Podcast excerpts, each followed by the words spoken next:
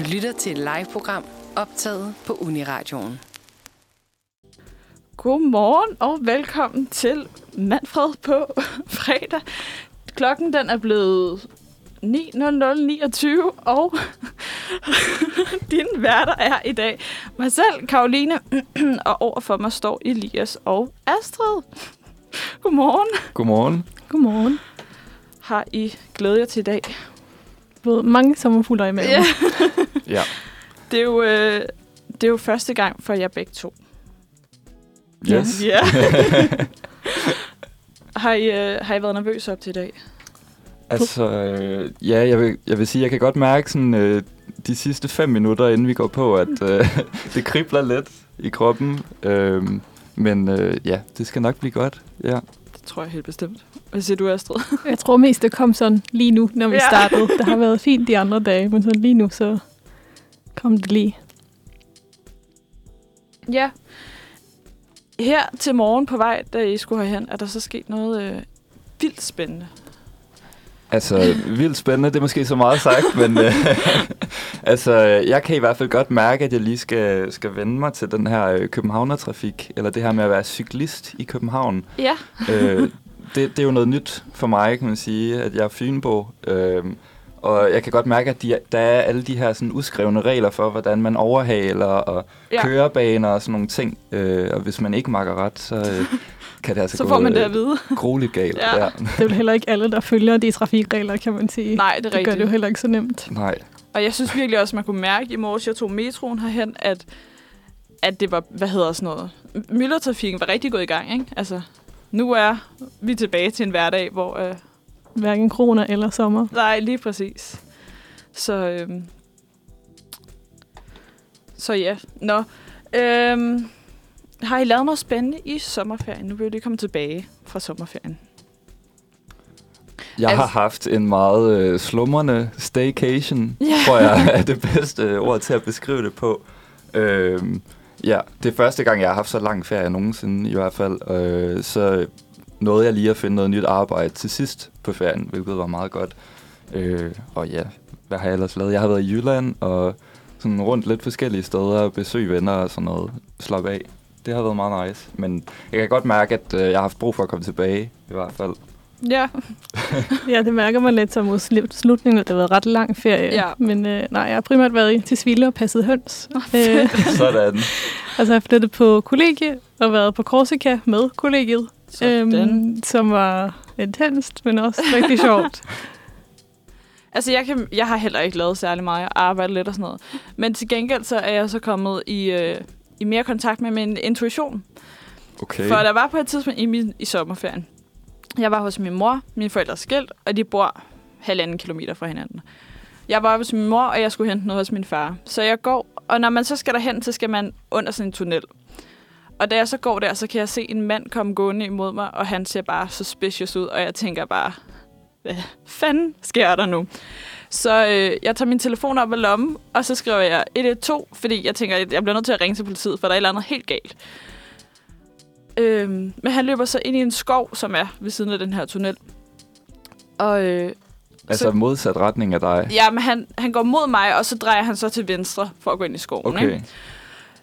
Og så går der 10-15 sekunder, så kommer der to politibetjente løbende imod mig. Har du lige set sådan en her person med sort hætte og sådan noget? Og så What? tænker jeg bare, øh, fuck, ja, han har lige løbet derind. Og så, tænkte, altså, så gik jeg videre bagefter, og sådan, okay, jeg ved godt, det her sted til sådan, der bliver solgt lidt stoffer og sådan noget, men alligevel, det var sådan, alligevel tænkt, okay, skal jeg alligevel ringe, øh, ringe efter politiet? Øh, de var så var der så allerede. Men, øh, Ja, så, det var meget det der heldigt. med at stole på ens øh, intuition, den Ja, er... det er godt at få den bekræftet i lige hvert fald, kan jeg godt præcis. føle. Ja. Nå, øh, Elias, hvad er der skal ske i øh, programmet i dag? Jamen, øh, vi har en masse forskellige spændende indslag Ja. ja. rettet op.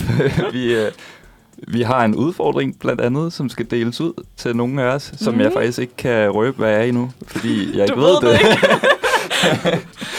og øh, ja, vi har øh, også en masse sladder eller Hollywood-rygter og konspirationsteorier og ja, lidt af det hele. En tror masse jeg. gode ting.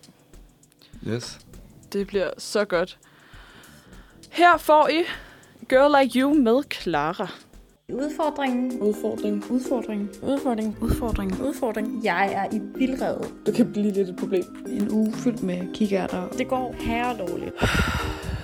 Det virker som en god idé i øjeblikket. Det bliver en deprimerende uge. Det er bare lidt kedeligere. Virkelig grænseoverskridende for mig. Jeg er ved at være en lille smule presset. Det er altså sådan en seriøs frygt, jeg har. Nej, den er ikke easy peasy. Det kan ikke anbefales. Wow, det går faktisk overraskende godt. Og nu er det bare endnu mere krise. Det burde man gøre noget ofte, det her. En god udfordring. Ja, velkommen tilbage til Manfred, og øh, som I kan høre på den her øh, montage, så øh, er det blevet tid til vores første indslag, øh, udfordringsindslaget. Yes. Hvordan er det at flytte grænser, og hvad lærer man ved at udfordre sig selv og de grænser? Kan man lære at drikke mindre kaffe? Kan man lære at få mere orden på sin økonomi? Hvad får man ud af at nytænke sit tøjvalg? Alt det her har vi sat os for at finde ud af ved hver uge at give en fra redaktionen en udfordring, som flytter grænser og udfordrer den måde, vi lever på. Det er jo store ord. Det er det nemlig, og øh, normalt så har vi nok øh, haft en udfordring fra sidste gang med nu her. Men øh, da vi ikke har haft nogen sidste gang, første gang efter sommerferien, så er der ikke noget, vi kan spille. Men øh, i stedet for, så er jeg kommet op med en udfordring. Øhm, og den håber jeg, at øh, I er klar på. Ja.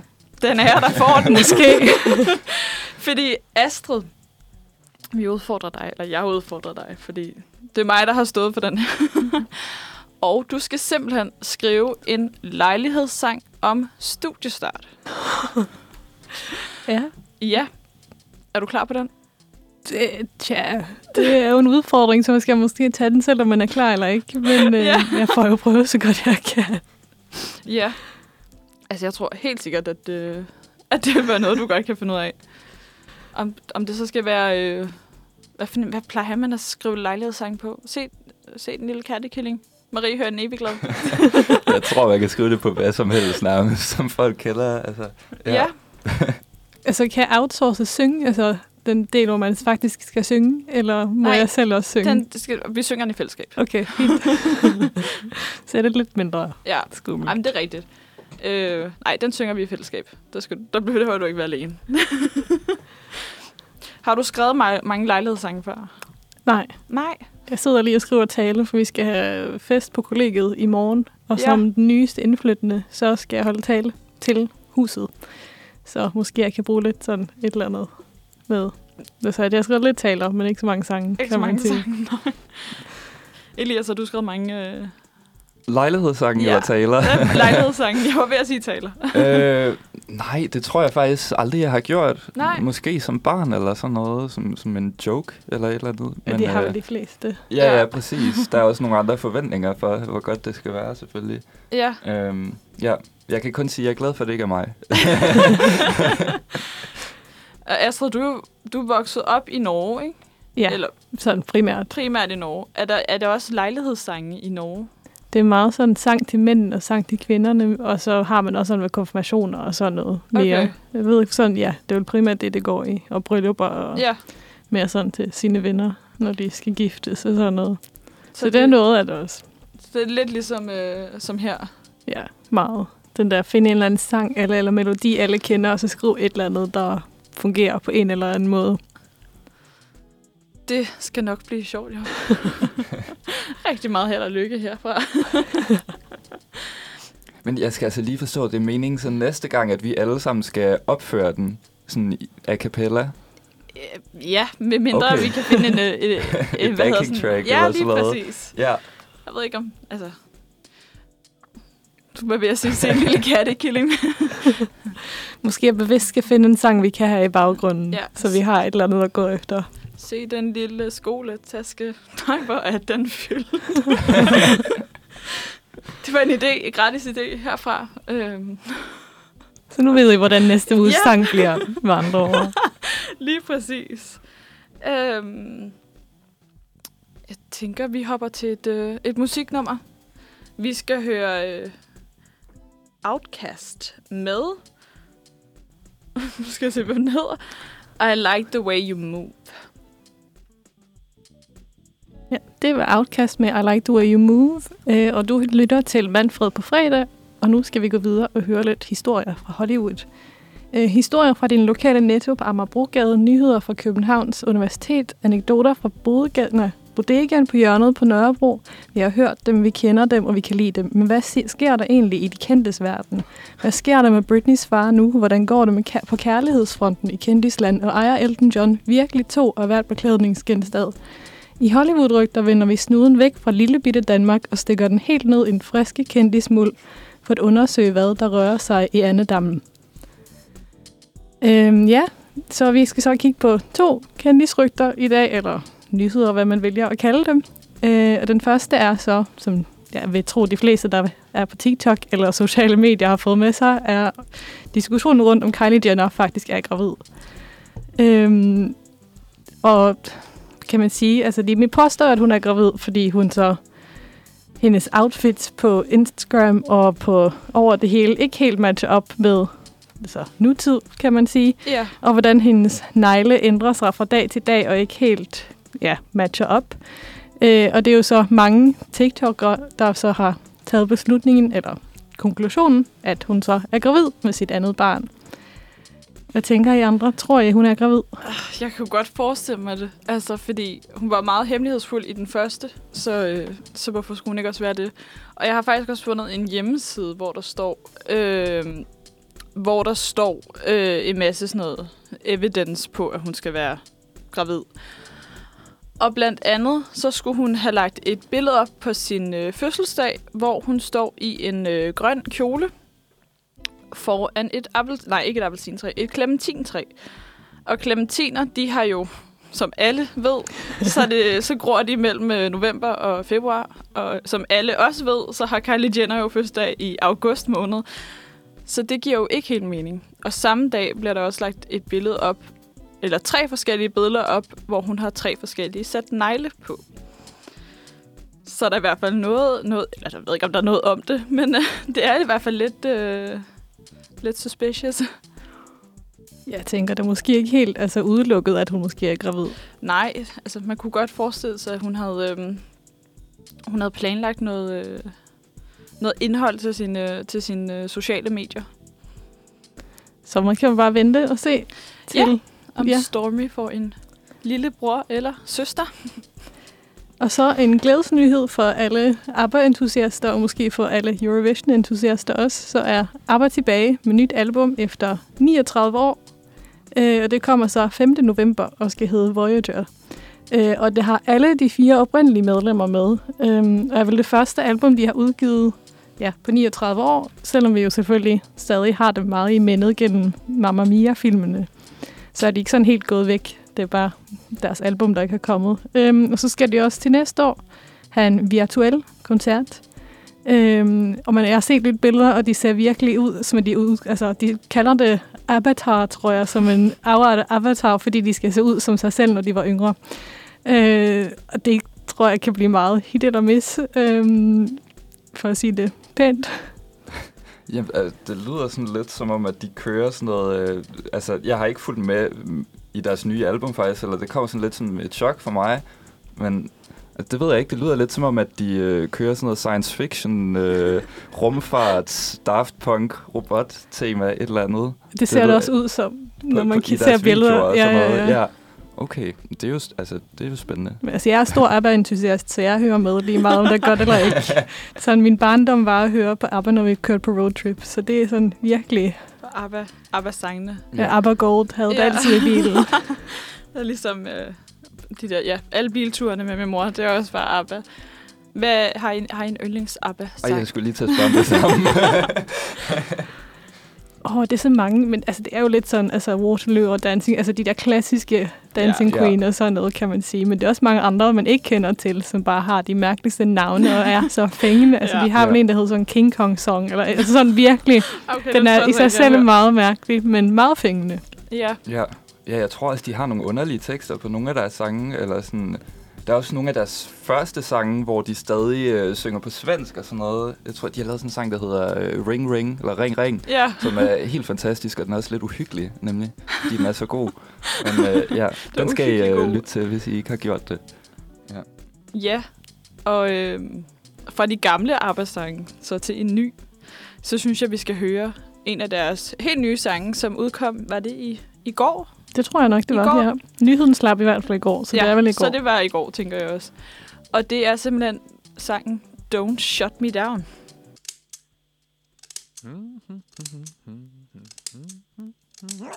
Ej, kom for. Ej, nu sidder jeg godt nok i saksen. Hvis du nogle gange befinder dig i en situation, hvor du også sidder i den gode gamle saks, så er du altså langt fra den eneste. Vores kære cyberspace buner nemlig af rådvilde danskere, øh, gordiske knuder, uf- uforløste dilemmaer, og her på radioen har vi sat os for at give en håndtrækning kvidt og frit i det bedste Sara og Monopolets stil. Vi vil nemlig forsøge at finde løsninger og svare på de dilemmaer, der florerer derude, store som små. Og medvært, hvilke dilemmaer har du taget med i dag? Ja, jamen, øh, jeg har glædet mig virkelig meget til det her øh, dilemma, faktisk fordi, at øh, i sin essens tænker jeg, at det er et klassisk kærlighedsdilemma, som jeg har fundet fra øh, politikken, deres øh, kærlighedsbrevkasse. Øh, men øh, så tænker jeg også, at der, der er nogle andre elementer i det, eller det afføder også nogle andre spørgsmål om sådan valg i livet og sådan noget. Så det, øh, ja, det bliver spændende at diskutere. Så øh, ja, jeg tænker bare, at jeg vil læse det op. Øh, overskriften til det her dilemma, det lyder, hvad nu, hvis jeg ikke finder en ny kæreste? Kære brevkasse, jeg føler, at mit liv er en kæmpe corona-kliché og sidst i 20'erne kliché. Min kæreste igennem mange år har for kort tid siden gjort det forbi. Det gør enormt ondt, fordi hun intet har sagt, trods så mange år sammen, så vi kunne kæmpe for at få det, få det til at fungere. Vi mødte hinanden i starten af studiet, og nu er jeg i slutningen af 20'erne. Da vi har været så længe sammen, er jeg usikker på mig selv og hvem jeg egentlig er uden, uden vores forhold. Jeg føler, at mine bedste år allerede er gået, og føler mig presset over at skulle finde en ny partner snart, hvis jeg ikke skal ende alene og aldrig stifte familie. Jeg kender slet ikke datinggamet i dag, og hvordan og hvor man kan møde nye mennesker, nu hvor der ikke automatisk er sociale aktiviteter på studiet, som jeg blev færdig med for et par år siden. Jeg har aldrig været med på Tinder og kender ikke gamet der. Hvordan kommer jeg følelsesmæssigt videre herfra? KH den knuste. Så Nå. ja, jeg synes også, altså, det, det er et virkelig velovervejet brev, eller sådan, det, der er en masse følelser, der bliver affødt i hvert fald, kan man se. Øhm, og noget af det første, jeg kom til at tænke på i hvert fald, øh, det var det her altså, spørgsmål, han lidt stiller med, hvordan møder man mennesker, sådan, når man stopper på sit studie eller sådan noget, uden for de her øh, sociale aktiviteter, som man, man er lidt vant til, bliver bare sådan fodret til en. Øh, så det synes jeg var et rigtig godt spørgsmål i hvert fald. Øh, Ja, jeg tror også umiddelbart, at sådan, hvordan han følelsesmæssigt kom... Det, det lyder som om, der er flere dilemmaer i det, føler jeg. ja, Altså, jeg synes, det lyder som om, sådan, hvordan får jeg en ny kæreste, men også, hvordan kommer jeg over min ekskæreste. Så jeg tror, han skal tage én ting ad gangen, og sådan, inden han springer ud i noget nyt, så få færdiggjort det første. Altså sådan, også med sig selv og sådan noget. Ja, Det tror jeg umiddelbart er vigtigt. ja, helt sikkert. Altså, jeg tænker også især det her med at give sig selv lidt tid, i hvert fald i starten, og øh, det lyder som om, at han er, eller han siger selv, at han er lidt usikker på, på sig selv nu, eller hvem han egentlig er uden for det her forhold, og det er også noget, man skal give sig selv tid til at finde ud af, tænker jeg i hvert fald, før at man i hvert fald stresser over øh, altså ting med ja, nye partnere, eller hvad det kan være.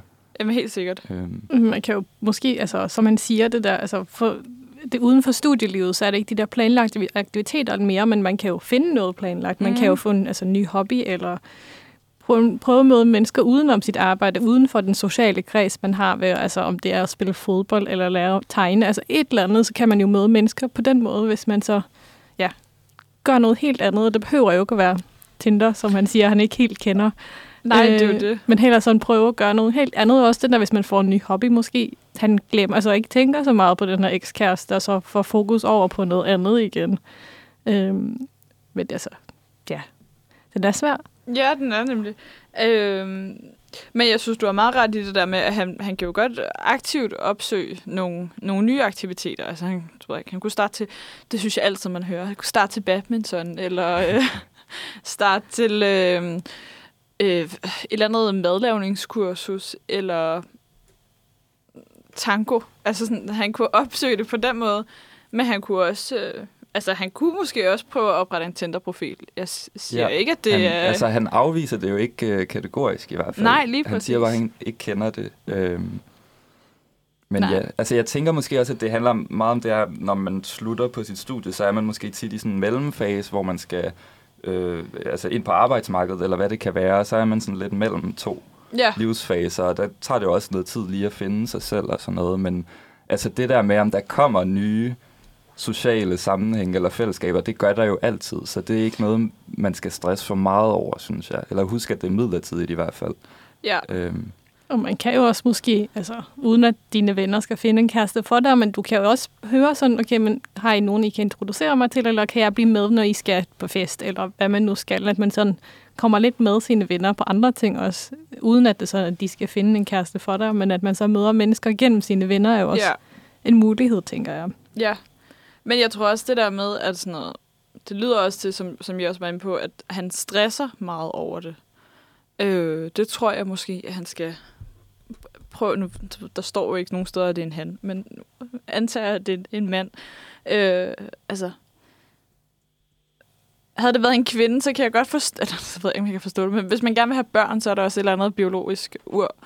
ja. Og hvis man er i slut 20'erne, så det ved jeg ikke. Altså, der intet, det ved jeg intet om. Men jeg tænker, at han skal lade være med at stresse, og han skal nok nå det. Altså, det, jeg tror også, at hvis han, hvis han prøver at tage det stille og roligt og ikke tænke over det, kommer det også meget mere naturligt, end, end hvis han går ud og siger, at jeg skal have, inden jeg fylder 32, så skal jeg være gift og have mit øh, første barn og andet barn skal være på vej. ja. Et eller andet. Jeg, jeg tænker også primært, at, at det måske er det med, med de her milepæle og sådan nogle ting, Ja. der øh, kan ja, stresse en virkelig meget, og tit ikke være så konstruktivt, hvis man tænker det på den måde. Eller man, hvis man bare sådan roligt opsøger ting, så Ja. når man nogle ting af sig selv, uden at man sådan planlægger det for meget, måske.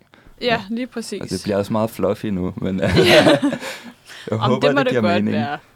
Ja, okay, så ja, jeg ved ikke, hvis vi skal prøve at opsummere. Altså, det er jo ikke sikkert, at vedkommende lytter, fordi det her er blevet bragt i politikken. Men det kan godt Men være, at, at vores- andre har Ja. samme... Øh, og man behøver det. ikke være i slut 20'erne. Nej, overhovedet ikke. Øh, men ja, jeg tænker, vores øh, budskab med videre er øh, give en øh, give en til lov til at tage, tage sin tid og være i den her sådan heartbreak-fase, hvor man ikke behøver at opsøge noget sådan alt for meget, men så bagefter, når man lige er landet på sin ben igen, kan man ligesom begynde at opsøge fællesskaber uden Ja. ja. for ens studie, øh, ud fra ens interesser for eksempel. Helt klart. Og ikke stress over milepæle. Nej, overhovedet ikke. Og så no stress. Altså, tag det helt stille og roligt. Og nu er det stadigvæk godt vejr. Tag en kop kaffe eller en øh, vand eller et eller andet, og så gå en tur. Nu ved jeg ikke, stod der noget om, han boede i København, men altså, han kan jo, han kan jo gå en tur alle steder. ja. men, men gå en tur udenfor, og så øh, kig på mennesker. Og øh, hvis du nu ser en, eller hvis man ser en, der ser, øh, ser nice ud, så... Jeg ved godt, det kan være grænseoverskridende. Jeg kommer aldrig til at sætte og gøre det, men gå hen og sige det. Du ser fucking nice ud. Men altså, jeg blev stoppet og fik det i går af en, som sagde, at jeg så Fedt. rigtig sød ud. Så altså, det er jo bare hyggeligt, hvis Ja. man, altså, det var en rigtig hyggelig måde at møde mennesker på, kan man sige. Det synes jeg helt bestemt er. Øhm, ja, skal vi tage et, øh, et stykke musik? Det synes jeg. Ja. Vi skal høre Vera og Jada med Lifetime. Velkommen tilbage. Du lytter stadigvæk til Manfred på Uniradioen. Og vi er i gang med vores dilemma-segment, Saxen. Og vi er kommet til et andet dilemma, som lyder. For 10 år siden måtte vi aflive familiens kat, fordi vores treårige pige udviklede en voldsom aller- allergi. Vores dreng var dengang 6 år gammel, og han fik at vide, at katten var kommet til en gård, øh, en ny familie på en gård på den anden side, end den anden ende af landet, hvor den ellers havde det godt. Punktum. Det var, det var han selvfølgelig ikke tilfreds med, men det accepterede han, at den var den anden sted hen. Forleden, der spurgte han mig så om, hvor gammel katten var, da den flyttede. Om den måtte leve endnu, og hvor den egentlig kom hen. Jeg er så rasende dårlig til at lyve, så jeg slutter hen. Men hvad gør jeg? Er det ok, at jeg fortæller ham sandheden?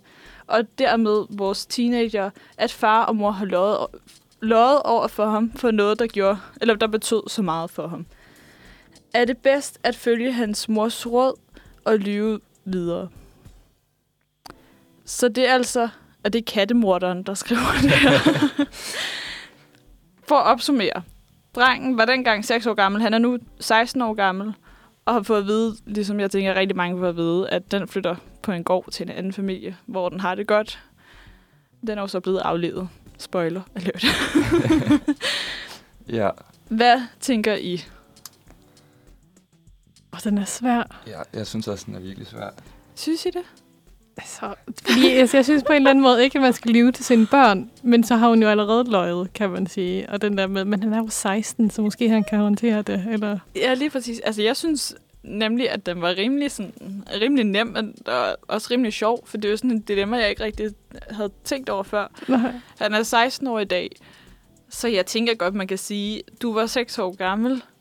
Vi synes simpelthen, at det var for voldsomt at, at sige, at øh, ved du hvad, lille Pjevs er blevet aflevet, fordi din lille søster ikke kunne, øh, kunne tåle ham. Ja, Altså, jeg tror, mit problem med det var det der med, at det er løg til at starte med. Altså, et seks år gammelt barn er vel gammel nok til at forstå, at lille søster ikke kan tåle en kat, tænker jeg. Eller måske jeg tager helt forkert. Men, Nej, øhm, det tror jeg måske, du har meget ret i. Jeg tror heller det, jeg synes, det er svært, fordi hun allerede har løjet. Altså sådan, hvordan... Ja. Det med, at katten er død, tror jeg måske ikke påvirker ham så meget. Det er mere det med, at mor og far har løjet. ja. Jeg tror også, det er noget i samme du og jeg tænker, altså sådan, jeg tvivler ikke på, at en 16-årig altså godt kan klare at høre, at ej, katten, den, den døde sgu, den kan høre sandheden på den måde. Men ja, det er det der med, at han tænker, når de har løjet for mig, sådan, når, hvad har I ellers løjet eller sådan, min tillid er svækket, eller sådan noget. Det er det, jeg er lidt bekymret for, men altså, det er virkelig svært at vurdere. Det er meget individuelt, tror jeg. Men tror jeg, hvis det var jer, øh, jeres forældre havde for 10 år siden sagt, øh, at øh, den øh, lille øh, sorte handkat, den skulle altså på en gård til en familie, fordi lille søster kan ikke tåle handkatten mere. Øh, og så her 10 år efter fik jeg at vide, at den var faktisk blevet aflevet der for 10 år siden. Vi lige få, øh, altså sådan, begynde at, at miste tilliden til jeres forældre Nej, på baggrund af det. det tror jeg ikke, jeg vil gøre egentlig. Altså, det er måske rigtigt nok. Det bliver Øh, måske lidt som at sige, at julemanden eksisterer, og så finder man ud efterhånden, at det gør han vist ikke alligevel. Nej, det er også det er umiddelbart lidt det, jeg tænker. At det er lidt... Øh... Jeg kan huske, da jeg var lille til juleaften. Øhm, så var der stort set altid min morfar, der var klædt ud som julemand, og han kom på besøg, og når han så gik igen, så skulle vi altid ud, fordi vi skulle se øh, øh, julemandens kane på taget. Og jeg kan huske på et tidspunkt, så har vi holdt øh, jul øh, derhjemme, og vi går så ud i, vi har far sådan en ugestue, og så er der sådan en fladt tag over der. Og vi går så udenfor, og så siger han, ej, se, kan du ikke se julemanden og hans kane derovre?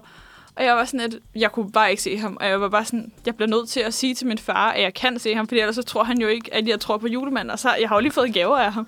Og sådan, jo, den står deroppe. Og jeg tænkte bare, fuck, jeg kan ikke se julemanden. Hvad sker der? Han har jo lige været her.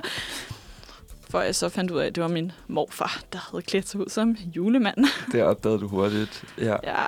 Nej, det vidste jeg jo stadig ikke. Jeg troede bare, at min Nå. morfar var på toilettet. Eller, eller. Nå, okay. Han skulle altid lige på toilettet, eller lige ud i skuret, når julemanden kom. Jamen, Det er bare så typisk. Men altså, så personligt, da du opdagede, at det ikke var julemanden, når du opdagede det, følte du dig så snydt på nogen måde, eller sådan, hvordan reagerede du på det? Jeg tror, jeg var kommet i sådan en alder, øhm, hvor det var sådan hen i skolen, var det ikke sejt at tro på julemanden. Det var sådan, ej, tror du på julemanden? Du går nok en taber, var. Øhm, og så var jeg sådan, "Jamen, så troede jeg ikke rigtig på den. Og så, jeg har to øh, mindre brødre, hvor den ene han er fire år yngre end mig, og den anden er syv år yngre end mig. Så der er rimelig stor aldersforskel. Så da, da, de, den yngste, han var sådan, ah, julemanden kommer. Han findes jo ikke, altså. Og det var sådan begyndende teenager, og han var sådan, jo, jeg vil gerne have, at julemanden kommer. Og var sådan, nej, han kommer jo ikke. Det, find, det er bare morfar, der er klædt sig ud. Ah. Altså. Så jeg, jeg tror, at jeg var sådan et, jeg for sej til at tro på julemanden, til at okay. Det var sådan noget heartbreaking. Ja, okay. Men hvad med, hvad med jer? Nu ved jeg godt, vi skal snakke om min kat, men altså julemanden. Lille sidespor. ja. Altså, jeg kan ikke huske, når jeg troede på julemanden, eller ikke troede på julemanden. En ting, jeg husker, min lille søster Ja. troede på julemanden, og var sindssygt bange for julemanden i mange år. Hun begyndte nærmest at græde, for det kommer det der kæmpe store Ja. menneske med hvidt skæg, og det var bare helt... Ja, men jeg kan ikke huske, at jeg selv har troet på det. Nej. Det er bare, ja, det, jeg kan ikke huske, hvordan overgang mellem julemanden og så mine forældre, den kan jeg ikke huske. Så det er sådan tydeligvis, det har ikke sat så mange spor, kan man sige. Nej. Ja, jeg ved ikke, jeg tror, jeg, for mig var der mange følelser forbundet med julemanden, altså sådan, eller man tror på julemanden, fordi det er ham, der kommer med gaverne, Ja. og ja, derfor vil, har man ikke lyst til at holde op med at tro på julemanden. Nej, lige præcis. Men jeg var faktisk ikke, øh, ikke særlig gammel, da jeg sådan callede øh, mine bedsteforældre ud for at klæde sig ud som julemanden. Eller ej, jeg gjorde det ikke helt, men jeg sagde sådan, du, du ligner godt nok min mormor til min mormor, da hun var klædt ud som julemand. Og, ja. Men jeg troede stadig på julemanden, så det var nok sådan lidt modsiger sig selv-agtigt. Ja. Men, men så for at sådan køre det tilbage på, Ja, god idé. the right track. det. øhm, så tror jeg også bare, at sådan, mine forældre, mine bedsteforældre, de, hvad kan man sige, løg jo over for mig, fordi at, at jeg troede på julemanden, og de var klædt ud som julemanden. Øhm, og jeg tror måske lidt det er det samme i, i, i den her situation, at sådan, han er 16 år gammel. Øh, eller andet sted, så tror jeg måske godt, han ved, at den ikke kom ud på en gård. Altså, var det ikke alle, enten ude på en gård eller ude på Regnbuebroen. Det er sådan en meget amerikansk ting, føler jeg. Men Ja. Det er meget amerikansk. Ja. Over the Rainbow Bridge. Ja, det er selvfølgelig rigtigt, at han, han opdager det nok på et tidspunkt, ikke? I hvert fald, hvis han Ja. ikke har gjort det. Øhm, så ja. Jamen, det tænker jeg helt bestemt også. Men altså, hun, skriver, hun spørger, om det er okay at fortælle om sandheden. Og dermed vores teenager, at hans far og mor har lovet over for ham om noget, der betød så meget. Er det okay at fortælle sandheden? Ja, det tænker jeg. Ja. ja, man gør det på en, en god måde. Ja. Så øh, mit råd er, lad være med at lyve om sådan nogle ting. Og øh, Og Så- lad være med at have skyldfølelse om at fortælle sandheden. ja, Ja. ja, det synes jeg. Ja, og øh, vi skal videre til næste nummer, som bliver Harry Styles med Golden. Du lytter til Manfred på fredag, og vi skal videre til ugens citat, hvor vi finder underlige eller vilde citater med kendiser eller citater med meme-potentiale og diskuterer dem bagefter. Ja, og øh, det er mig, der skal præsentere ugens citat. Jeg har fundet det her øh, klip fra en podcast, der hedder Spørgehjørn, øh, som desværre ikke bliver sendt mere, fordi det var øh, Radio 24 som lavede det. Jeg ved ikke, er det noget, jeg har hørt om, det her spørge, Spørgehjørn? Ja, jeg har godt hørt om spørger, men okay. jeg har aldrig, aldrig hørt øh, programmet. Øhm, Okay. Fordi, altså, jeg vil sige, ved mig, så er det nogle gange kommet op på min sådan, øh, Facebook-feed, at Ja. der er sådan nogle 30 sekunders klip øh, med Jørgen Let, som kommer med sådan nogle kloge ord, og så er der folk, der tagger hinanden i det, fordi at det er ret mimet som regel, eller han, han siger nogle sjove ting. Jamen, jeg synes, ja, Jørgen Let, han er meget sådan en finurlig person. Ja. Også, altså, ja. Det, det er nemlig rigtigt. Øh, ja, øh, jeg skal måske lige forklare, at det her program Spørgejørn, det er egentlig bare sådan en, en brevkasse med Jørgen Let, hvor at lytterne de så sender de her spørgsmål ind, og han så filosoferer over det, kan man vel sige. Øh, det klip, jeg har fundet i dag, så er der så en lytter, der spørger ham, hvad hans holdning er om fitnesscentre. Øh, jeg, jeg ved ikke, har I nogen stærk holdning til fitnesscentre? Nej, jeg Nej. bor, jeg bor lige ved sådan et, jeg bruger det ikke. Øhm, mm, ja, Okay. det var det. Altså, jeg bruger det, men jeg har ikke sådan en stærk formening om det, kan man Nej. sige. Nej, Det føler jeg nemlig ikke, øh, heller ikke, at jeg har. Men, øh, og det, jeg synes også, at Jørgen han forholder sig meget nuanceret til det, men han har også noget kritik nemlig, og øh, det er meget fedt. Ja, lad os prøve at høre øh, klippet. yes, vi prøver at se om... Jamen, jeg er selv kommet en del på et af de førende fitnesscentre i København. Der kom jeg... Så der fik jeg en instruktør og fulgte hans instruktion og gjorde et bestemt antal øvelser hver dag. Det kunne jeg meget godt lide. Så jeg er ikke imod fitnesscentre. Men jeg hader den musik, de spiller derinde. Det gør jeg. Hader den. Og jeg prøver tit at, at protestere og sige, det, det er der ikke, det er en, er en spor, der ikke til noget som helst. Det er jo sådan decideret vulgær musik, de spiller derinde. Sådan hopsa-musik, som, moderne hopsa-musik, som skal kvikke en op til at gøre umulige umulige ting, strækker og bøjeøvelser. Jeg synes, det er så dumt med den musik, der er larmerløs. Sådan et. Øh, Det er jeg irriteret over, men det er der ikke noget at ved. Ja, jeg vil bare starte med at sige, jeg er vild med, at han coiner begrebet moderne hopsermusik, og jeg Ja. har sådan tænkt over, hvad det betyder meget. Ja. Jeg tror bare, det er sådan noget, øh, ja, sådan ret lidt IDM-agtig, sådan vild, dansabel musik, Ja. så, som de jo faktisk tit spiller, eller det kan jeg godt følge lidt, men jeg ved ikke, altså har I oplevet det der før med, at musikken er bare er for højt, eller virker forstyrrende, sådan man ikke kan træne? Eller sådan, Øhm, nej. Nej. Ikke i, ikke i øh, ikke sådan noget fitnesscenter-regi. Øhm, jeg, nej, jeg, nej, nej. nej. Jeg tror bare tit, jeg hører på min egen musik. Ja. Så jeg tænker, bare, altså jeg er helt enig i, at det er altså, forfærdelig moderne hopsemusik. det kan jeg godt være enig i. Men øhm, jeg, hører, altså, jeg hører bare på min egen musik, når jeg er der, så behøver jeg ikke at høre på det, de spiller. Nej, altså jeg tror også, det er sådan rimelig god til at, øh, at lukke alt andet af, hvis man har et par hovedtelefoner med, eller et eller andet. Men jeg tror også, det er et andet sted. Det er måske meget sigende for hans generation. Altså sådan, man ikke shame, hvad vil jeg sige, ældre mennesker. Det kan man vel godt sige. Jeg tror, han er for alder med mine sådan, bedste forældre. Og øhm, altså, jeg kunne lige høre enten min farfar eller min morfar lige sige det her.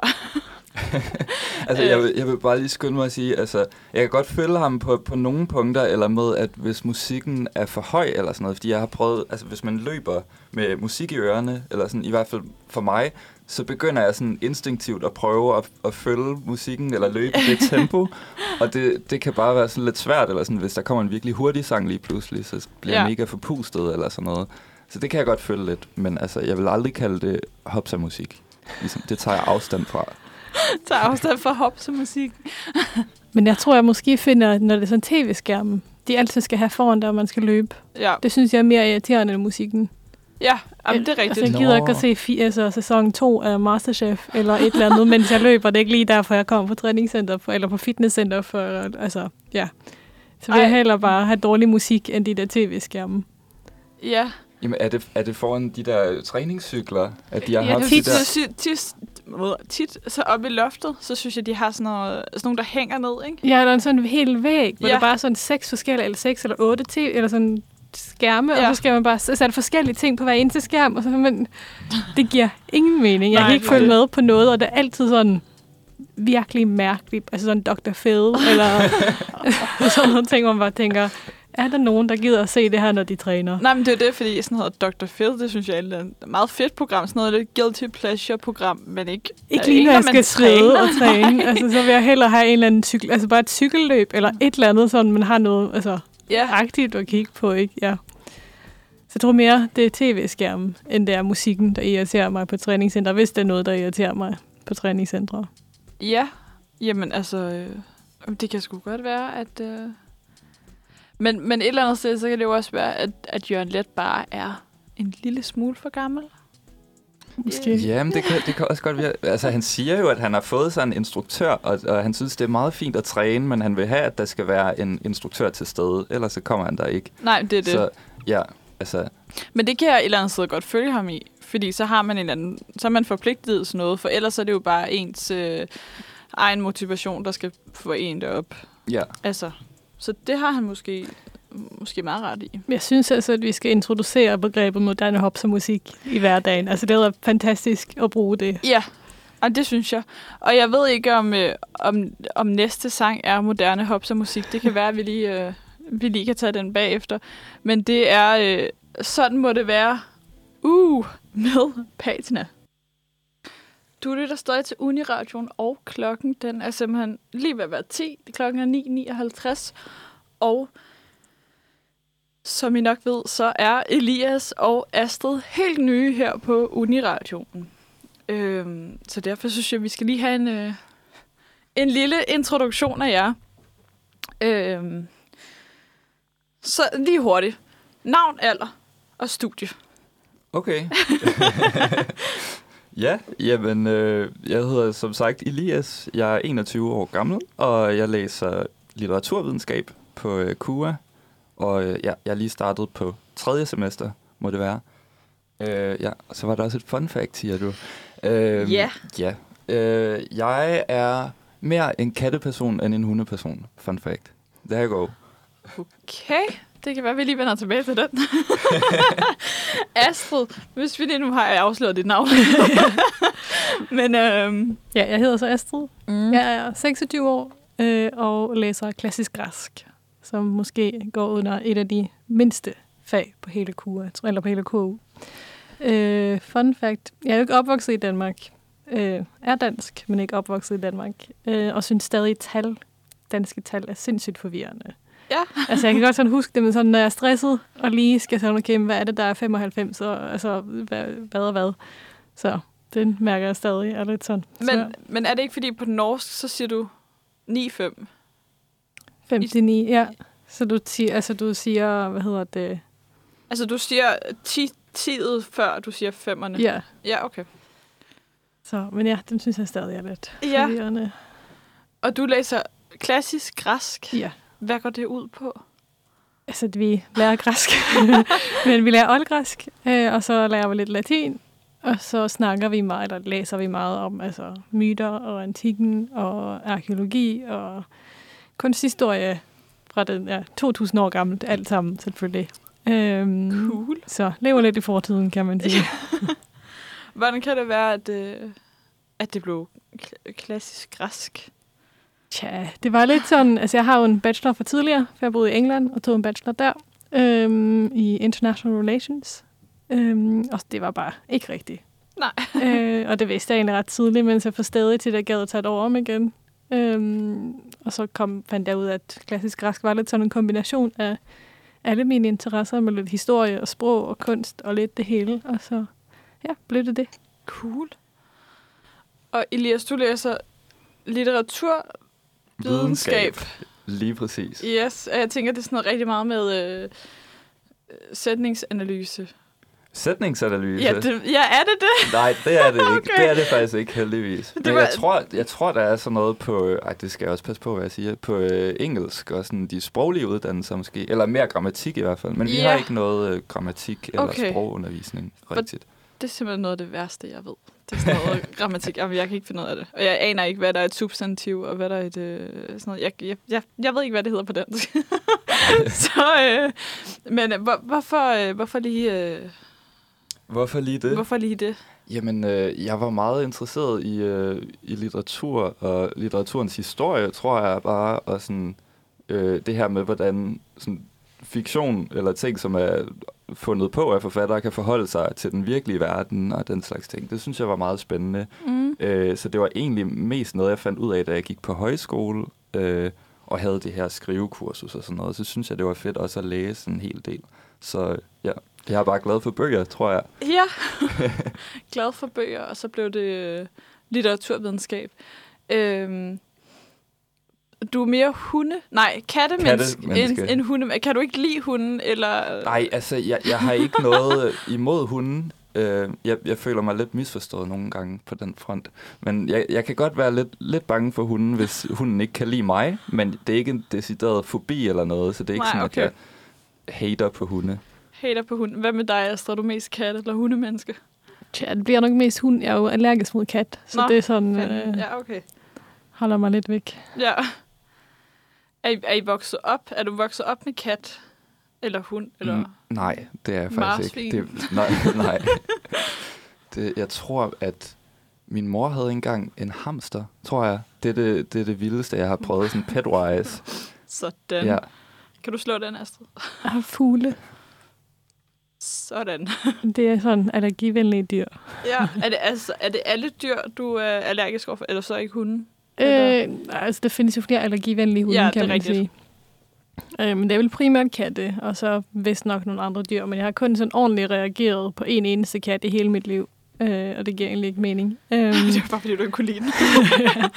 jeg blev så dårlig, og så, når den døde, så reagerede jeg ikke på den anden kat, der boede i det samme hus. Så vi ved ikke helt. Nej, okay. Det var et eller andet med mig og den kat, der var ikke fungeret. Den var øh, besat af en eller anden øh, allergidæmon eller eller andet. Ja, et eller andet. Det var helt forfærdeligt. Så altså, jeg, hvis jeg bare kom ind i det hus og bare begyndte at græde efter fem minutter, fordi det var så meget. Men øhm, ja, et eller andet, en kat, og så de andre har ikke reageret så meget på, kan man sige. Nej. Altså, nu siger du, du har fugle. Uh, fun fact om mig. Uh, jeg er uh, lorte bange for fugle. Alle fugle. Altså sådan noget, at gå over Rådhuspladsen, det er meget scenarie. Det er, jeg hader det. det og, jeg, og jeg aner ikke, hvad det er. Hvorfor? Jeg har overvejet øh, en eller anden form for noget øh, hypnose eller eller andet. for, for det. Hypnoseterapi? Ja, ah, men, for at få det til at gå væk? Ja, fordi men det er jo også bare, det er jo sådan, det er både en irrationel frygt, men det er jo også en altså, dum, dum frygt. Forestil dig, eller forestil jer, men jeg går en tur i øh, Frederiksberg Have, og så kommer jeg forbi, og der er bare rigtig mange øh, ænder, og en anden slags and, og en tredje slags and, og en flere, fjerde slags and, og så er der nogle andre fugle, så er der nogle hejre, og det er bare sådan, jeg kan jo ikke gå forbi dem, altså jeg ved ikke, hvad jeg skal gøre, og så er der også gæs og måger og duer, og jamen, altså... Ja, jeg kan godt følge det med sådan øh, større fugle, eller sådan svaner, og Ja. sådan noget, at, at de kan blive lidt uhyggelige, eller i flok og sådan noget, men jeg Ja. tror, der er mange, der synes, at øh, måger og sådan duer kan være lidt frastødende, eller sådan skræmmende på en eller anden måde i hvert fald. Simpelthen bare, De de... sådan skriger af. Ja, de, de, de, de er bare klamme. Altså, øh, Og vi har faktisk fået høns på kollegiet. puh. De er heldigvis i indhegning, kan man sige. Ej. At Men, det, men, men det er jo så også det næste, for jeg kan heller ikke spise den. Altså, jeg kan godt spise øh, kylling, for eksempel, men ikke hvis der er ben på. For så kan jeg jo ligesom se, at det har været dyr. og det er sådan faktisk med alle, øh, alt, alt stykke kød. Så jeg spiser faktisk slet ikke kød med ben på. Så sådan noget Okay. kyllingelov, spare ribs, øh, hot wings, whatever. Jeg kan ikke spise det. Men altså, lad os, øh, lad os da få smidt, noget musik på. Og jeg synes, at vi skal høre øh, meget apropos fugleflugten med Du er en bølge. Du lytter til Manfred, og vi skal videre med vores næste indslag, som er en Danmarks-quiz, som du har forberedt, Karoline. Ja, det har jeg nemlig. Fordi, som I lige hørte før, så er du, Astrid, jo ikke vokset op i Danmark. Eller du har, du har boet her før nu, ikke? ja, altså ni måneder, da jeg var to. jeg ved ikke helt, om det... Så er du jo øh, øh, helt øh, professionel i alt dansk. Du, du er ekspert på området. Det vil jeg nok ikke sige, at jeg er, men øh, kan jo påstå. Og, og hvad med dig, Elias? Er du øh, vokset op i Danmark? Det er jeg. Ja. Født, født og vokset op Født og opvokset, ja. i dem på Fyn?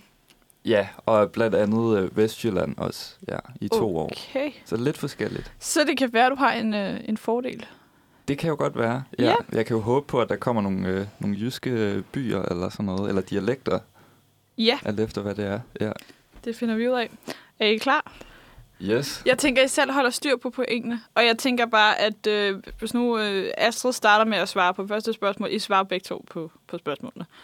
Så holder jeg bare selv styr på. I må godt svare det sammen. Er, I- er I klar? Yes. Ja. Godt. Starter lige på musikken sådan der. I Sønderjylland, der er de rigtig glade for deres sønderjyske kaffebord. Det består af syv hårde kager og syv bløde kager. Man starter, altid, man starter dog altid ud med det, man kalder stopkager. En stopkage, det er en kage, det kan også være en bolle, sådan en fødselsdagsbolle, som man spiser for at blive halvmæt, så man altså ikke spiser alt for mange af de andre kager. Men hvor mange stopkager er der til sådan et sønderjysk kaffebord? Er det 1 til 2 styks, 2 til 3 eller 3 til 4? Og Astrid, hvis du svarer først, så øh, så siger jeg to til tre. 2 til 3. Jeg siger 3 til 4, så... Du siger 3 til 4. Jamen, øh, pointet det går til Astrid. Det var 2 til 3. det er alligevel meget sjovt, at man starter ud med kager, så man ikke spiser for mange af de andre kager. Ja, Men altså, Jeg tænker, første kage, altså først, det, det der stopkage havde måske været nok. ja, lige præcis. 2 til 3 det er også rimelig meget. Men altså, Nå, vi fortsætter i madverdenen, fordi egensretter, det er noget, der findes. Apparently. det er også nyheder for mig, Ja. altså. Øhm, det er noget, der ofte bliver lavet ved højtider, hvor familier samles ved bestemte egne. Et øh, forum sagde, for jeg gik så ind og søgte, hvad er egensretten egentlig der, hvor jeg kommer fra, nemlig Vestegnen. Et forum sagde, at øh, Vestegnens egensret, det var kebab. øhm, jeg ved ikke, om det er en egensret, men det giver rimelig god mening. Øh, sådan hver frikvarter, det var lige over for den lokale øh, kebab, øh, city kebab. øhm, en af de nok mest kendte øh, egensretter, det er ammermaden, som jo er råbrød med pålæg og så et skive franskbrød på toppen. Øh, hvis jeg husker rigtigt. Jeg ved ikke, om I kender Jeg det. kender det ikke. Nej, Jeg kender det virkelig. Nå, men hvilke af disse retter er ikke en egensret? Er det A. Jødetorsk, B. Hakket hundevalpe, eller C. Leverkage? Og hvis du svarer først den her gang, øh, Elias. Hakket hundevalpe, håber jeg. Og hvad siger du så? Øh, du må også sige hakket hundevalpe, hvis du vil. Det- Jeg har lidt på følelsen, at det er egentlig bare, at sådan, det betyder noget andet, end det, det er. Så jeg tror måske alligevel, at det er noget. Øhm, hvad siger jeg? C? Leverkage. Yes. Det er korrekt. Det var en Nej, leverkage. Nej, nej, det går ikke særlig godt for dig, nej. Elias. nej, nej. Det kan stadig indhentes. Ja. Det er okay. Øh, jeg ved ikke, om leverkage er en ting, men jeg var inde og kigge på, sådan, på, på en eller anden hjemmeside om, øh, om egensretter, og der var nyrekage en ting. Så leverkage er noget, jeg selv har, øh, har opfundet. Okay. Hakket hundevalpe findes, og jødetorsk findes også. Hvad er Hvad- hakket ja. hundevalpe? Hvad er det? Der tror jeg, jeg må være jeg er skyldig. Det er, øh, ja, det er vist et eller andet sådan noget... Øh, blandet af hakket svinekød og kalvekød, eller know, sådan noget lignende. Måske også med noget alt godt for sådan noget leveren og nyrerne og alt det, man ikke... Øh, Alt blandet sammen. Lige præcis. Nå, vi bevæger os øh, lidt væk fra maden og går over mod det kulturelle. For i Danmark der er der rigtig mange forskellige slags museer. På Nørrebro der kan man blandt andet se øh, Barbie-museet. I Odense der kan man se Tupperware-museet. Og i Glamsbjerg kan man se Skoda-museet. Men hvor i Danmark kan man se Kartoffelmuseet? Er det A. Otterup, B. Stokkeby eller C. Ærøskøbing? Øhm, hvem, hvem svarer først? Det, det gør Astrid. Ja.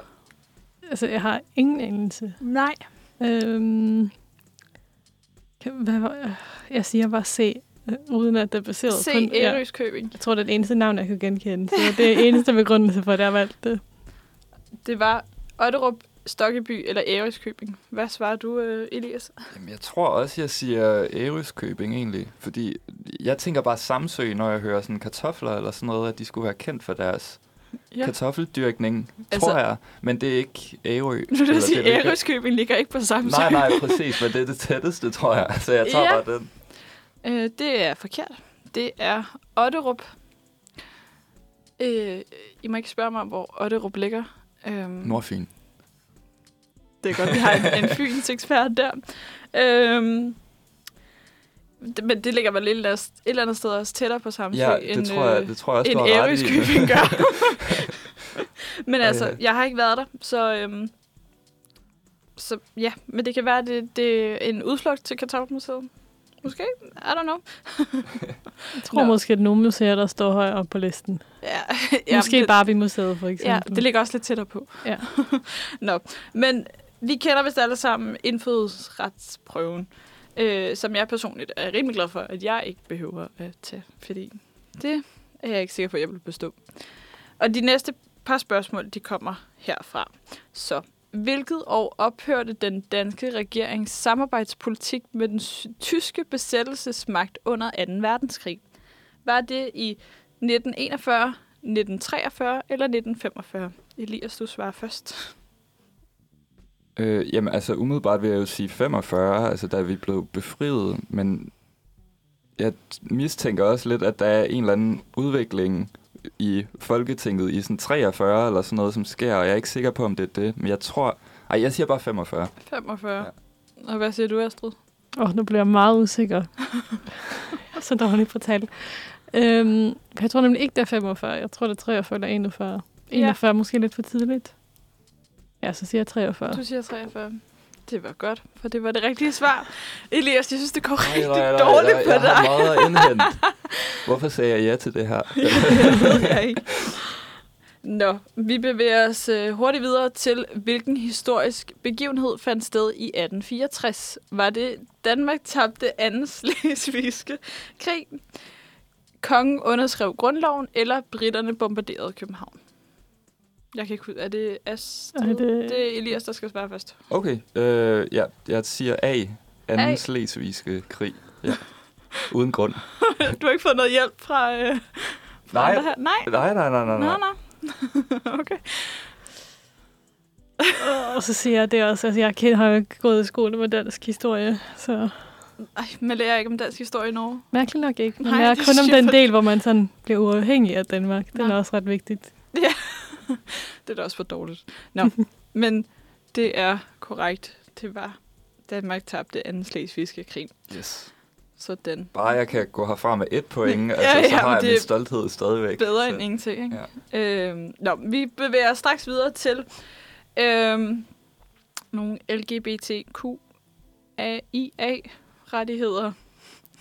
Hvornår fik to personer af samme køn ret til at indgå ægteskab? Astrid, hvis du svarer først. Åh oh, nej, det er for ingen oh, nej, jo, eller hvad? selvfølgelig.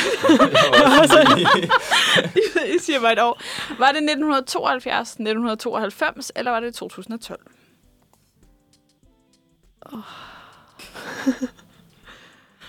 det, men det er, det er den sidste, tror jeg. 2012? Eller... Jo. Hmm? Jeg synes bare, det høres meget sent ud med, at... Jeg tror, det er det. Okay, øh, sorry, må jeg lige høre mulighederne igen? Ja, selvfølgelig. 72, 92 eller 12. 12, siger jeg også. 12. Ja, Det er korrekt. Sådan, nu, nu går det ja, ja, øh, godt ja, for ja. dig. Nu- Jeg får alle rigtige nu. Ja. Nå, men så skal vi øh, lidt tilbage i tiden, og det kan være, at... Øh, det ved jeg ikke, om du har en forskel, når du læser græsk. Og, øh, men altså, hvem skrev omkring år 1200 værket Gestadanurum, der indeholder fortællinger om Danmarks historie og nordisk mytologi. Jeg ved godt, det ikke er græsk mytologi, men Altså, det er altså... skrevet på latin, er det ikke det, tror jeg? Jo, det kan godt være. Er det Saxo, er det Brorson, eller er det Ansgar? Ansgar. Øh, det er vel Saxo? Saxo? Hvad svarer du? Jeg, jeg siger også Saxo. Det er korrekt. Sådan, mand. Nu går det da strygende. Jeg ved nemlig, der er noget, der hedder Saxo Instituttet, så jeg tænkte, det må, måtte være ham. Ah. Jeg har aldrig hørt om bogen, men... Nej, jeg tror, Ja, at... det er jo der, jeg, læ- jeg læser på Saxo Institut. Nå, okay. Ah, det giver god mening. Ja, at øh, Ansgar, han var noget med noget øh, katolik eller sådan noget. Ja, Et eller andet. der er en Ansgars kirke i Lige hvert fald. præcist. Ja. Nå, vi slutter den her del af quizzen af med et spørgsmål, som ikke er med i indfød- indfødsretsprøven. Øh, men til dem, der har lavet indfødsretsprøven, hvis I har lyst til at, at tage det med, så, øh, så prøv det bare. Øh, min kilde, den er Google, så øh, tak til Google. Nå, hvor mange dialekter er der i Danmark? Er der cirka 28, cirka 32 eller cirka 36? Det er så få. altså lige meget, hvilket svaret er. Øhm, til 32. 32? Hvad siger du? Jamen, jeg, siger, jeg siger også 32, så... Ja, det er også rigtigt. Men så har jeg en lille bonusinfo. 87 udgaver, det er cirka, hvad der er af det danske sprog. Og det udvikler sig hele tiden. Så, øhm, så ja, hvem, hvem, øh, hvem vandt første del af quizzen? Hvor mange point fik I hver der? Det er syv. 7 og Øh, jeg tror... Fire? 4. ja, men det passer nok meget godt. Nå, øhm, jeg tænker, at vi lige øhm, hører et stykke øh, musik, og så øh, vender vi tilbage. Du lytter til Manfred Fredag, og øh, den sang, I lige hørte, var Shubidua med Danmark. Og øh, nu skal vi til at fortsætte vores quiz, den anden runde. Det skal vi nemlig. Og øh, vi skal til øh, en dialektquiz, fordi som vi sluttede af med, så fandt vi ud af, at der var cirka 32 dialekter i Danmark. Øh, jeg vil så sige, øh, igen er jeg rimelig glad for, at det ikke er mig, der skal have den her quiz. Øh, men vi starter simpelthen øh, med det samme. Er I klar? Yes. Hvor Måske. stammer den her dialekt fra?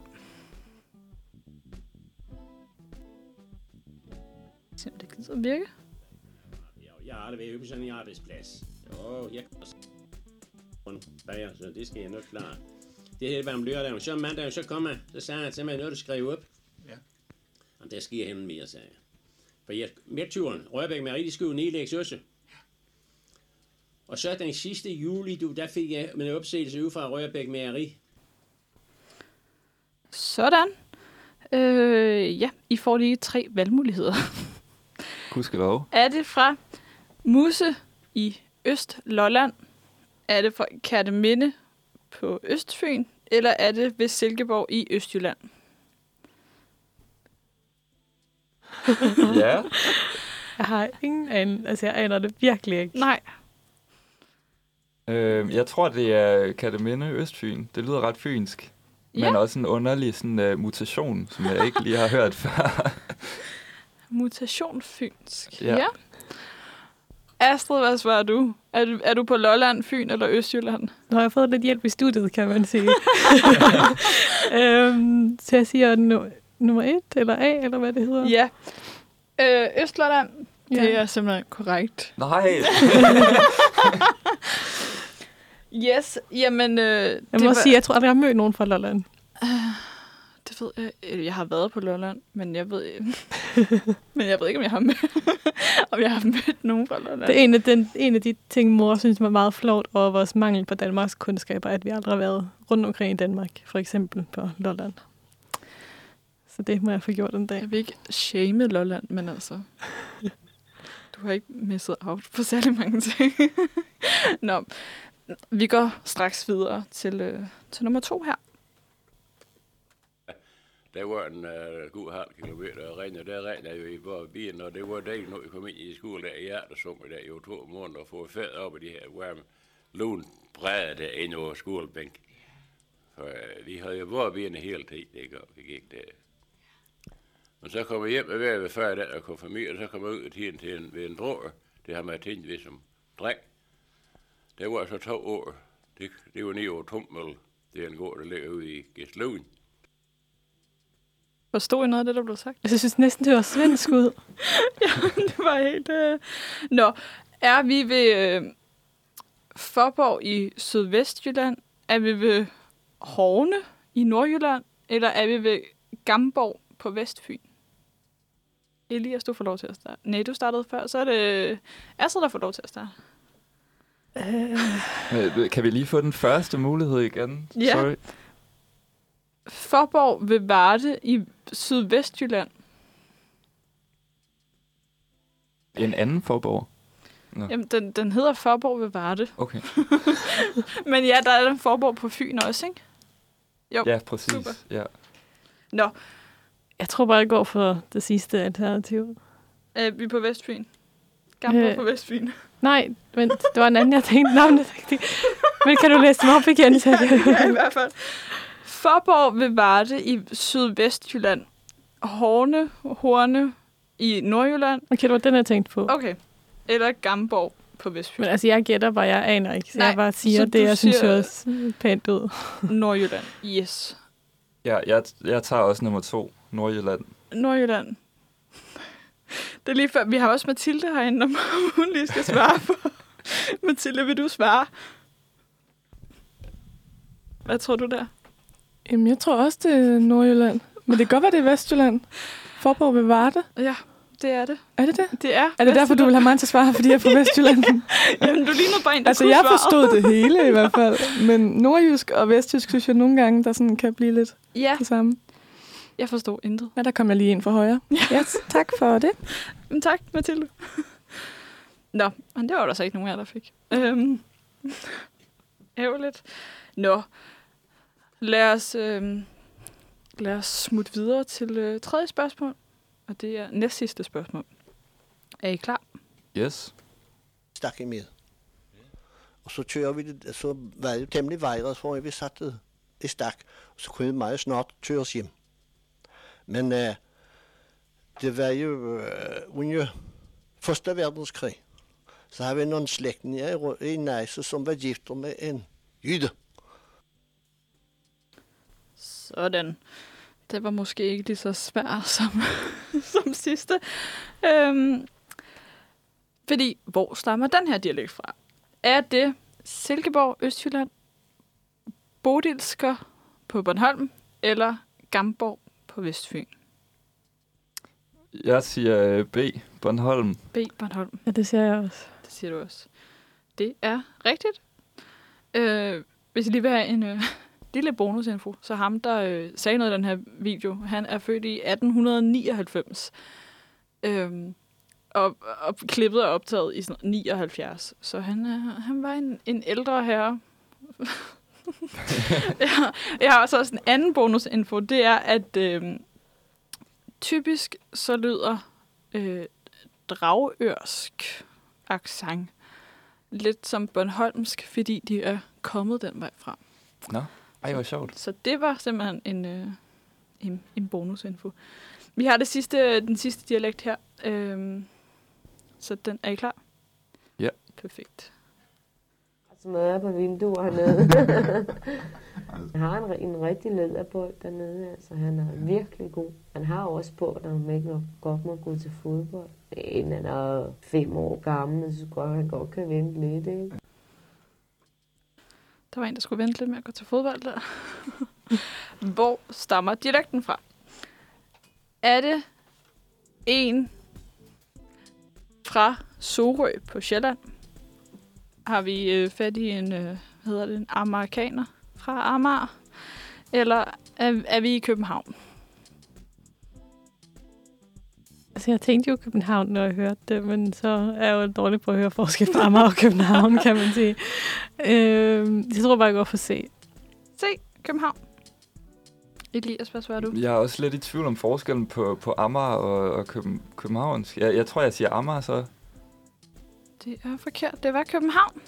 Så øhm, har, I- har I styr på øh, point? Jeg har ikke uh, talt point i den her. Jeg tror, jeg har 10. 10 i alt, og du har... Jeg tror ikke, der var ikke så meget at holde styr på, så jeg har, jeg har fem i alt, ikke? Tror jeg. Sådan. Jamen Astrid, du har så øh, vundet Mere dansk, end jeg tror. Danmarks quizzen. Øh, og det synes jeg, vi skal fejre med en sang. Øh, og vi fejrer den med ganger med styrke. Velkommen tilbage til Manfred. Klokken den er 10.36, og øh, det er fredag. det er skide godt. Øh, vi skal ud i nogle øh, weekendanbefalinger. Fordi, øh,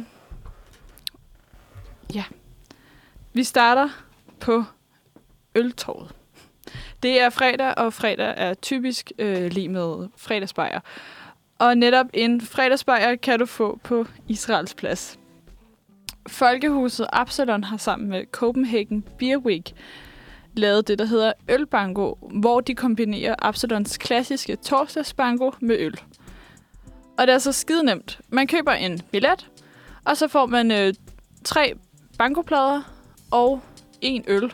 Og så kan man ellers holde godt styr på gamle Ole og lange tasker og hvad fanden de ellers hedder. De forskellige, øh, de forskellige, hvad hedder sådan nogle? Bingo-rækker, Ja, lige præcis. det må det hedde. ja. Øh, banko, bingo. Bango-rækker. Ja, for eller. Er det noget, er det noget I er til? Er I glade for banko? Bingo, banko? Øh, jeg tror aldrig, jeg har spillet, spillet det, eller gjort det før. Nej. Jeg tror ikke helt, det...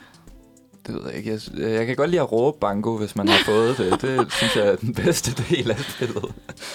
Men altså, hvis det er noget, I har lyst til, så er det i aften på Israels Plads øhm, fra kl. 19 til 21. Og så er det simpelthen bare at drikke øl og øh, spille bango, og der er gode præmier. Til, jeg ved ikke, om der er sidegevinster, men altså, lad os håbe, der er det. Hvis der er øl, så er det jo en øh, gevinst i sig selv, kan man sige. Præcis, og man får en gratis øl med, når man køber bangopladerne, eller bingopladerne, pladerne. Hvis man ikke er til øl og banko, så kan det være, at man skal en tur i Tivoli. Fordi den gamle have holder nemlig have- og blomsterfestival. Og her kan man altså være med til spektakulære blomstershows, sjove workshops og få en inspiration til altankassen, eller haven, eller altanen, eller hvad man ellers har. Øhm, det koster en indgangsbillet til Tivoli. Øhm, hvis du tager dig til på søndag, og det kan jeg så også sige er, hvad hedder sådan noget, personlig erfaring, og er med til at plante tulipanløg, så får man altså en gratis billet, et entrébillet til, når de sprunget ud igen, og det er i maj måned en gang. Og det er sådan, fik vi at vide sidste år, øh, da jeg var derinde, at man går bare rundt og, øh, og planter løg, indtil der ikke er flere, for de skal plantes. Så jeg tror, vi endte med at få 20 gratis entrébilletter. Så det vil jeg altså sige er... Øh, så kan det godt være, at man lige betaler for at komme ind, men hvis man får 20 entrébilletter, så har den også betalt sig hjem igen, synes jeg. Det må man sige. Øh, og hvis man er, med, er til det mere antikke, kan man sige, så starter Golden Days Festivalen i dag og var helt til 19. september, og de har som tema i år antikken, øh, som jo ja, passer til mit studie i hvert fald. Øh, men det er noget, du kan finde over det hele i København, og også ude i Roskilde og rundt omkring, hvor de har forskellige events og udstillinger og forskellige ting, der er relateret til antikken. Øh, I dag kan man for eksempel Gentofte Kino se filmen Cleopatra, Øhm, og det er også, altså, hvis du vil lave en numsekrus med nogle børn, så kan du også tage til Roskilde Bibliotek. Øhm, du kan også være med, så du gør noget mere aktivt. Er der også sådan, der forløber jeg talken løb med forskellige personer i løbet af de næste ja, to og en halv uge. Øh, og de har jeg så. Gå ind og tjek deres hjemmeside og se lidt, hvad de har tilbydet. Det er noget for alle, tror jeg. Fedt. Er det, er det gratis oplevelser, eller... Det varierer lidt. Noget er gratis, andet skal man betale. Det er ikke så meget for de fleste, så ja, rundt 50-100 kroner for det meste, og så meget, der er gratis. Og noget på det, altså museer, så skal du betale indgangsbillet, og så kan du møde op til de forskellige events.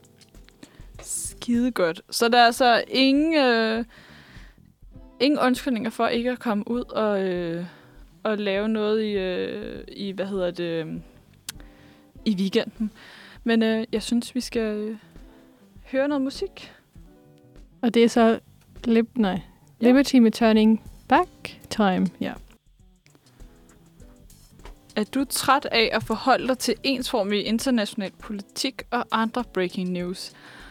Og finder du dig tit bevæge dig ned i et dybt kaninhul på YouTube og finde alverdens teorier om aliens, moonlanding, simulationer?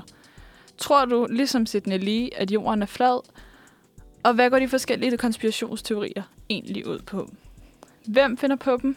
Det vil vi finde ud af i segmentet konspirationsteorier. Og Elias, du har taget en øh, dagens teori med. Ja, det har jeg, og øh, ja, jeg skal nok starte med at sige som en disclaimer, at jeg har taget en lidt sådan mindre konspirationsteorier med, kan man sige på en eller anden måde.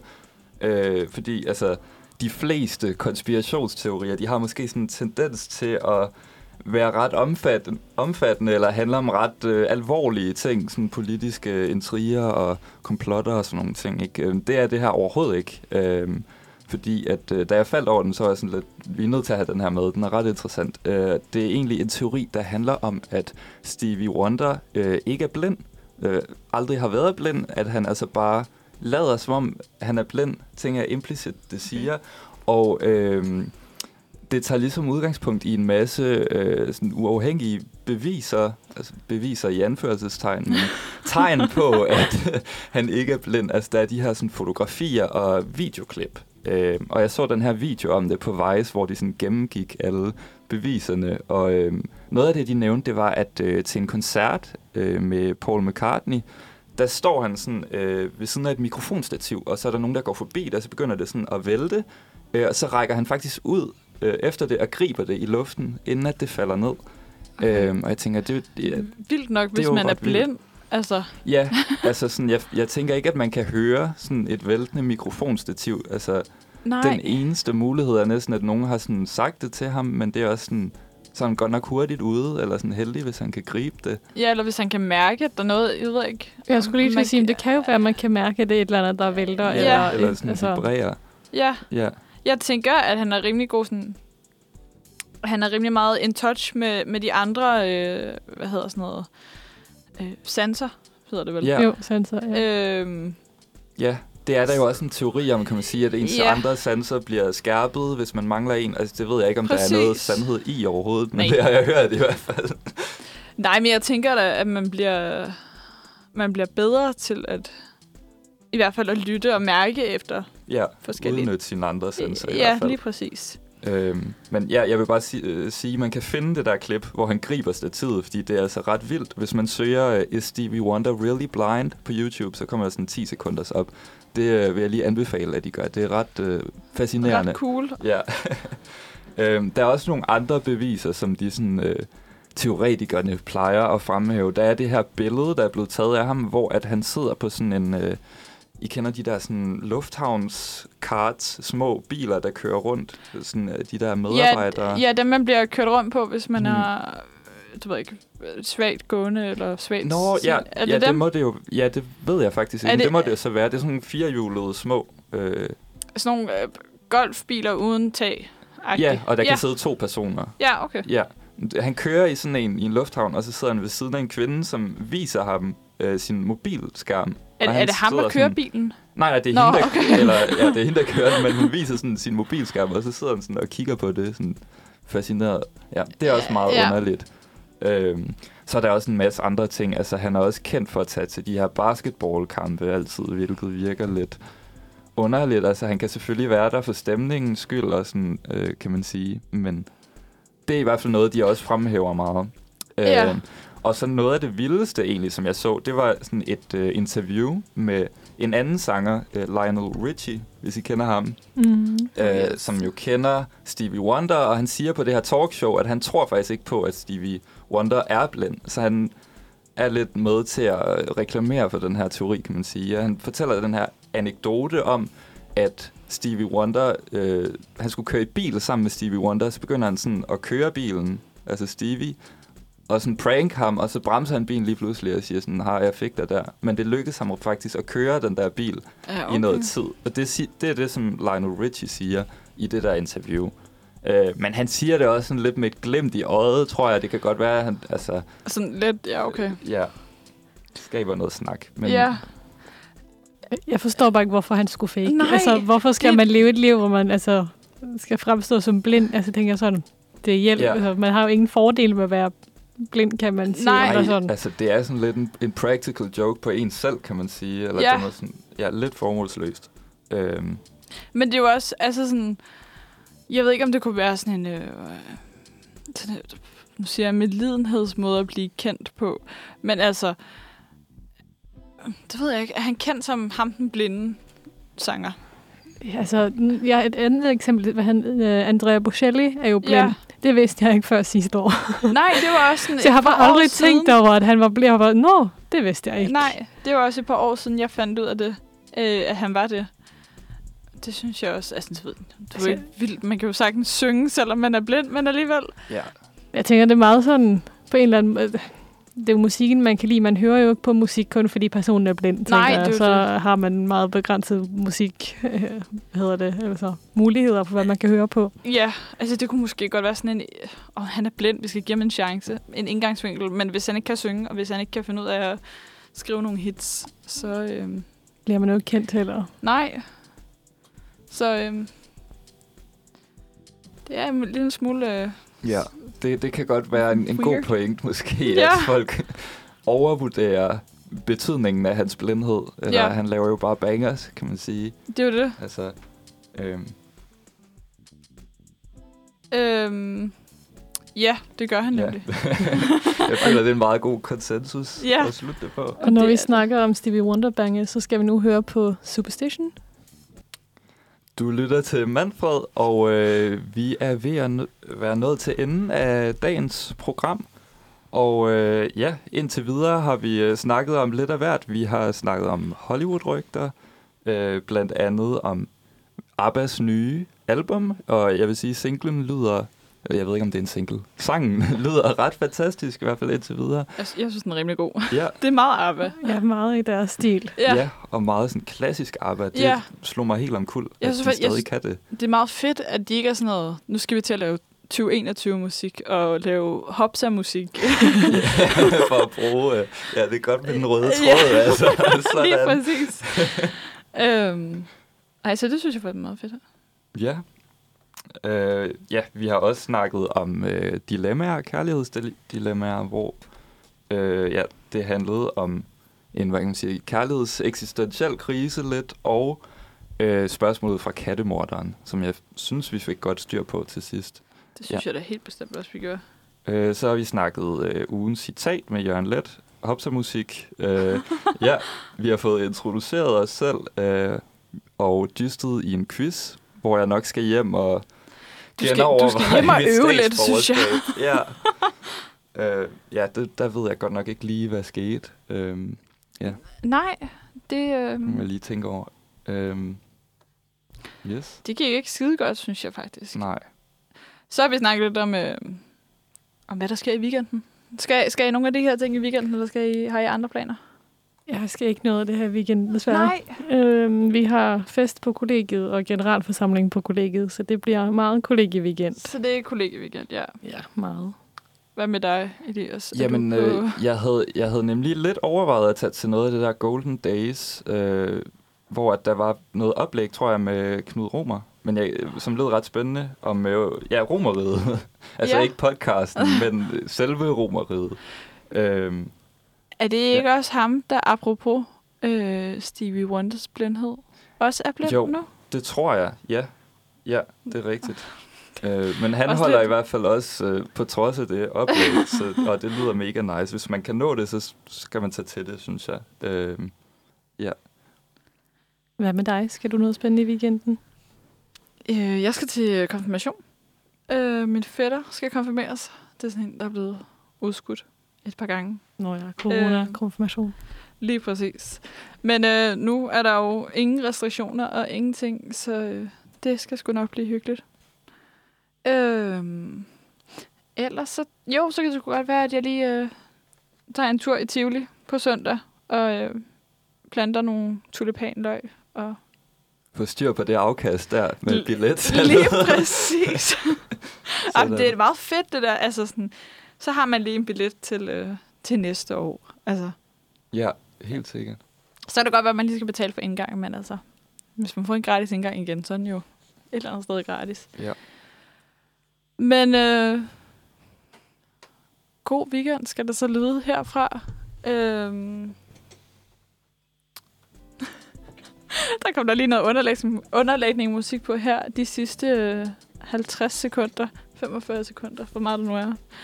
Øhm, god weekend skal det lyde herfra, og her får I Travis med Butterflies.